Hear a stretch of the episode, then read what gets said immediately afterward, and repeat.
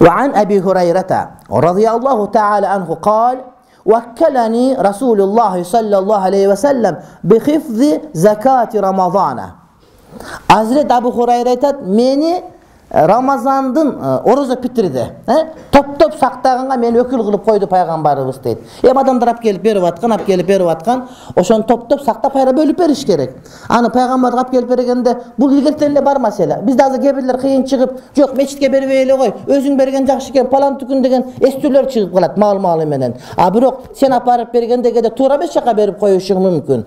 Кээде апарып өзүңөн баягыраак бирөөгө берип коюшуң мүмкүн да. Же болбосо апарсаң апарып дароо эле култ этип жанагыдай арак ичип ала турган бирөөгө дагы бирөөгө берип коюшуң ыктымалы бар. Ошон үчүн урматтуу бир тууганым эмне чогулткан жакшы болот. Анткени ошол ошого жараша бөлүнөт тартип жараша берилет мечиттерге медресеге берилет. Азирет абу хурайра келген орозо питирди чогултуп чогултулган орозо питирди жанагыдай буудайды сактаганга вакил кылынды дейт فاتاني آت فجعل يخثو من الطعام فأخذته وقلت لأرفعنك إلى رسول الله صلى الله عليه وسلم قال إني مختاج وعلي إيال ولي حاجة شديدة قال فخليت عنه فأصبحت فقال النبي صلى الله عليه وسلم يا أبا هريرة ما فعل أسيرك البارخة قلت يا رسول الله شكى حاجة شديدة وعيالا فرحمته فخليت سبيله قال أما إنه قد كذبك وسيعوده анан ошентип отурсам эле бирөө түндө келди дейт Келип эле буудайдан ушинтип чогултуп ушинтип эле тартып эле моминтип эле өзүнүн куржунуна кабына салып баштады эле луп этип барып кармап калдым дейт. Ой таксыр мындай кылганың болбойт. Пайгамбарым эртең таң атканда апарып сени апарып тапшырам мен деди. Сени пайгамбар сага жазасын берет бул деген элдин орозо питир казына алып атканың болбойт дедим. Десем эле арызданып кетти мен муктажмын менин бала чакам бар менин муктаждыгым көп деп ушинтип жүрөгүм эзи берди. Айтып отурса жүрөгүм эзилип кетти дейт. Анан кое бердим аны дейт анан таң атты. Пайгамбарыбызга салам айтканы келсем пайгамбарыбыз мени карап ой абу хурайра түндө кармап алган туткунуң эмне болду? деп сурады менден дейт карамат мужиза мен айттым о расулалла ол ушундай арызданды эле аны кое бердим. Үй бүлөсүн айтса бала чакасын айтса муктаждыгын айтса жүрөгүң эзилип кетет экен аны кое бердим деди. Дегенде айтты ал алдап койду сени ал дагы келет деп ушинтип айтты дейт فعرفت أنه سيعود لقول رسول الله صلى الله عليه وسلم إنه سيعود فرصدته فجاء يخث من الطعام فأخذته فقلت لأرفعنك إلى رسول الله صلى الله عليه وسلم قال دعني فإني محتاج وعلي عيال لا أعود салаoху فخليت سبيله فأصبحت فقال لي رسول الله صلى الله عليه وسلم يا أبا هريرة ما فعل سيرك قلت يا رسول الله شكى حاجة شديدة وعيالا فرحمته فرحمته فخليت سبيله فقال أما إنه قد كذبك х экинчи күн да ушундай болду күтүп отурсам келип эле салып баштады эле кармап алып пайгамбарга айтам десем дагы убайдат деп кыйкырып арызданды ой муктажмын дегенден жүрөгүм эзилип кетти дейт анан кое берип эртең менен келсем пайгамбарыбыз эмне болду деп айтты эле дагы келип дагы кармап алдым айтканын айтып отурсаң жүрөгүң эзилди дагы кое бердим дегенде а сени алдады бул дагы келет деп дагы айтты ушинтип эки күн өттү дейт فعرفت أنه سيعود لقول رسول الله صلى الله عليه وسلم إنه سيعود فرصدته فجاء يخث من الطعام فأخذته فقلت لأرفعنك إلى رسول الله صلى الله عليه وسلم وهذا آخر ثلاث مرات إنك تزعم لا تعود ثم تعود кармап алдым үчүнчү күнү дагы дейт айттым дейт болду сен үч жолу келип эле үчүнчү жолу тең келдиң. Эми сен даана пайгамбарды өзүп бара турган болдум. Сенин бул кылганың туура эмес. Келбейм дейсиң кайра келесиң мына сени кармап алдым. Бул сеники туура эмес болду. Пайгамбарга апарам деп айтты дейт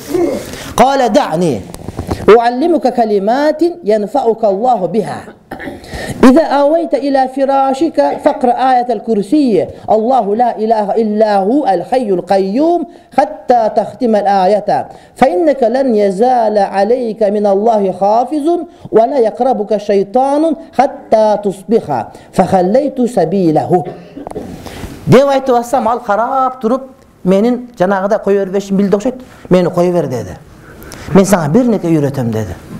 Мен сага бир нерсе үйрөтөм деди. Ошол нерсе сөз үйрөткөн сөз ошону менен кудай таалам сага пайда берет деди. Төшөккө жатаарыңда окуй турган болсоң аятал курсийди аллаху ла илаха иллаху дегенди окуй турган болсоң бүткөнгө чейин кудай таалам сага сактоочу жиберет. Таң атканга чейин сактоочу сактап шайтан сага тие албайт деп ушинтип айтты дейт мен сага бир нерсе үйрөтөм. Бул аятал курси ошол аятал курси толук окуй турган болсоң түнү менен кудай таалам сага сактоочу жиберип сени сактап турат. Ууру келип басып кеткенден чорну келип басып кеткенден чаян келип чагып алгандан үйүң кулап түшкөндөн өлүп калгандан антиген адамдар өлүп калат түндө билесиңерби эртең менен жанагы багымдатка жакын адамдар көп өлөт инсульт болгондор. Өлүп калгандан айтор ушуга окшогон эме көп нерседен эгер ажалыңыз жазылбаган болсо кудай таалам иншалла сага сактоочу жиберип жана сага шайтан келбейт шайтан түндөсү келет түндө ушташып аткансың ууруп аткансың уурулукка барып аткансың жанагыдай жаман кинону көрүп аткансың түндө отуруп алып түн караңгы түн бакырдыкы деп алып иштин баарын кыласың күндүз париште көчөгө чыга бересиң. Адамдар нарам түндө болот. Саунада бассейнде көчөдө уурулук баардыгы жанагыдай нерсе адам өлтүргөндөр түндө болот. Ошол кудай таалам сени сактайт деди. Анан кое берди فخليت سبيله فأصبحت فقال لي رسول الله صلى الله عليه وسلم ما فعل أسيرك قلت زعم أنه يؤلمني كلمات ينفعني أو ينفعني الله بها قال أما إنه صدقك وهو كذوب وتعلم من تخاطب منذ ثلاث ليال قلت لا قال ذاك شيطان رواه البخاري эртең эртең менен пайгамбарыбызга барса урматтуу бир туугандар алардын баардыгы багымдатта көрүшөт экен. Мына биздин өзбек туугандарда ушундай жакшы нерсе бар. Багымдатта булардын баары мечиттен багымдат окуйт. А биздин кыргыздар жашаган жерге барсаң багымдатта имам келсе келет кебесе жок сопу келсе келет кебесе жок. Канча жактан кел айтып эртең менен багымдатта кыргыз туугандар жашаган жерге түшсөң өзүң азан айтасың өзүң имам бол өзүң сопу болгон учурлар болду мага мисалы үчүн. Кээде эки үчөө келип калат. Эми өзбек туугандар жашаган жерге келсең мечит толо эл. Анан мен сурадым бул иманыга күчөп кеткен го силердики кандай? Сакал пукалыңарга караганда окшошпойт анча мынча көчөдөн көрсөң фасык дейсиң. Бирок бул турушуңар ажайып экен бул даже маккада мындай эмес деп айтсаң айтат таксыр бизде нанүчтө болот багымдаттан кийин. Кимде ким багымдатка келбейт нанүчтөдөн калып калса позор уят болот дейт да. Эми ал үчүн эмес урматтуу бир туугандар ошол адамдын эмне ыйманы ошол багымдатка толо турган болсо бул жакшы маселе колдон келишинче ана азирети абу хурайра күнүгө эртең менен пайгамбарыбызды көрүп атат багымдат намазында эй абу хурайра эмне болду сенин туткунуң? деди. Ол айтып атат мага зам деген сөзү мындай айтканда толук ишенбейт бирок ушинтип айтып атат өзүнүн пикиринде туура экен мен дагы так ишене албай турам дегендей сөз да түшүнүктүүбү ал айтып атат мага ушул сүрөнү окусаң сага ушундай ушундай түнү менен шайтан жолобойт түнү менен сага сактоочу болот деп айтты эле анан кое бердим? деди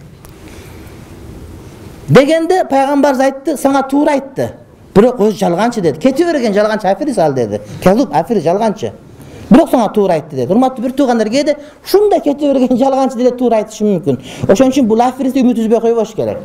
Дайыма чын сүйлөгөн жалган айтып коюшу мүмкүн дайыма жалган сүйлөгөн кээде чын айтып коюшу мүмкүн. Ошон үчүн урматтуу бир тууганым кээде чалкыган деңизден таппаганды чаканакай бир арыктан деле дарыядан деле таап алышы мүмкүн. Ошон үчүн адамдардан үмүт үзбөш керек кийин айтты сен билесиң үч күндөн бери үч түндөн бери ким менен сүйлөшүп атканыңы? деди. Абу хурайра билбейм деди. Ушундан максат ошол убакытта мусулмандар көбөйүп калган бирин бири тааныбай турган деңгээлде экен урматтуу бир тууганым көп болгон дегенден сөз. Канча миң адам баарын тааныбайсың да? Шаар болуп шаар болуп кеткен деген сөз да. Э? Билбейм деди. Дегенде ал шайтан деди. Ал шайтан деп айтты урматтуу бир тууганым мына ошол шайтан да аятал курсийди билет аалымдар айтат демек кээ бир аалымдар бар дейт өзү амал кылбайт дейт бирок илими бар болсо үйрөтүп аткан илими туура болгон болсо илим алсаң болот дейт кызык маселе мына шайтан амал кылып анда шайтан боло беле анда париште болуп кетпейби бул шайтан бирок илимди билет экен үйрөнсөң болот. Андан алба деген жок. Садакака сага туура айтты деп атат. Демек кээде аалымдарга барып калсаң амал кылбай турган аалымдар болуп калат. Бирок айтып аткан сөзү туура болгон болсо анда алыш керек болот. Бирок өзү амал кылбаса айтып аткан илиминин туура экенин билбей турган болсоң анда андан качыш керек болот. Аалымдардан сураш керек мунун илими кандай? деп. Эгер аалымдар илими туура деп айтса алыш керек анткени сен илим ала турганда билимди туура катасын билбейсиң да. Түшүнүктүүбү ошон үчүн кээ бир учурда кээ бир аалымдардын өздөрү эми баардыгын амал кылыш кыйын амал кылбай айткан болсо деле илимин алсаң болот эгер илими туура болгон болсо. А бирок илиминин кандай экенин билбесең урматтуу бир тууганым анда ошонун туура экен илими туура экендигин алган справкадан кийин илим алыш керек болот. Болбосо илимиң башыңа тартып ал деп башка жака барыш керек болот. Анткени жаман да бирөөлөр шайтан кылып коет. Биз айтып бергенбиз мына бир кеминин баш имам хатиби пакистанга барып келип ахмади болуп кеткен. Өзү мурда мусулман болчу кийин эле ушинтип капыр болуп кетти. Капыр деп айтсаң бирөөлөр чычалап кетет экен. Таң каласың мусулман адамдар экиге бөлүнөт. Кантип? Эркектер жана ургачылар болуп билесиңерби ушуну? Экиге бөлүнөт да адамдар экиге бөлүнөт. Адамдар улут боюнча бир канчага бөлүнөт. Орустар кыргыздар жана башкалар болуп. Ошондой эле адамдар динине жараша мусулманчылык көз караш экиге эле бөлүнөт. Мусулмандар жана мусулман эместер деп. Мусулман эместер деген сөздү биз жөн эле мусулманча терминибиз капыр деген эле сөз ага көп капырлар кыжалат болуп капыр десең чычалап ой мен андай мындай андай мындай ошого адамдар экиге бөлүнөт. Адамдар мусулман. Булар аллах таалага ыйман келтирген пайгамбарларга ыйман келтирген кыяматка ыйман келтирген китептерге ыйман келтирген мусулман адам. Анан калган мусулман эместердин баары капырлар болуп эсептелет. Капыр деген жаман деген сөз эмес болгону мусулман эмес деген сөз. Ыймансыз деген сөз. Балким жакшы адам болушу мүмкүн. Анан капырлар өз алдынча бир канча бөлүккө бөлүнөт э? китепке ишенген капырлар китепке ишенбеген капырлар анан дагы китептер дагы китаби асмандан түшкөн китеп бар өз жазып алган китеп бар ошого окшоп бөлүнүп кете берет. Арасында мисалы үчүн мунафык дегени бар бул деле капыр. Болгон сырткы краскасы мусулман деген сөз да. Бул деле капырдын бир түрү жана ашадди капыр тозок түбүндө боло турган ушундай. Мисалы үчүн кээ бир адамдар бар урматтуу бир туугандар бул адамдар фасык. Фасык деген эмне сапатсыз мусулман деген сөз да. Пайдасы жок пайдасы жок пайдасы аз же жок эми пайдасы жок эмес бар бирок аз деген сапатсыз мусулман. Мисалы үчүн бирөөнүн машинеси бар масло бул деген сапаттуу машина. Кондиционер иштейт токтойт башка кыла баллондору жакшы сопсонун анан бирөөнүн машинеси бар ар үч метр сайын түртүшүң керек болот. А бул деле машина бул деле машина. Бирок бул деген сапасыз машина. Эгер ушуну мусулманча терминге алып келсек бул деген чыныгы момун мусулман бул деген фасык мусулман дегендей эле сөз ошон үчүн бирөөнү фасыкты чочуп кетет мынтип же намазы жок же башкасы жок же башкасы жок. Анан сен фасыксың деп айтсаң мени фасык деп айтасың дейт жок сен кимсиң сен сен деген сапатсыз мусулмансың. Сапатсыз мусулман деген бул ошо фасык деген эле сөз. Ал эми капыр деген сен мусулман эмессиң деген сөз. А биз сени кошобуз. Эгерде сен калима айтып эле бизге кошулуп алсаң биринчи сапатсыз мусулман болосуң кийин амал кыла берсең сапаттуу мусулман болуп кетесиң. Урматтуу ошон үчүн жанагы капырлар чычалабай эле коюш керек ушинтип бөлөбүз биз. Эркек ургачы деп бөлгөндөй эле бөлөбүз урматтуу бир туугандар. Туурабы? Угуп калса пайдалансын дейм да жанагы капырды чычалап аткандар. Алар көрүп турат экен дайым аңдып турат. Эмне деп атат депчи? Э катышат экен сабактарга. Пайгамбардын убагында да терезесинин түбүнө келип угчу экен го ошентет экен булар азыр жанагыдай эме менен угат экен жанагы наушник менен качан айткансың десең өзгөнгө барганда айткансың дейт каеринде десем ортосунда мынчанчы мүнөтүндө? дейт. Тооба кылайын кудайдын кудурети антип улан өзү деле билбейт каерде айтканын насаат тартып атканын ал билет экен мынчанчы мүнөтүндө? дейт. Кудайдын кудурети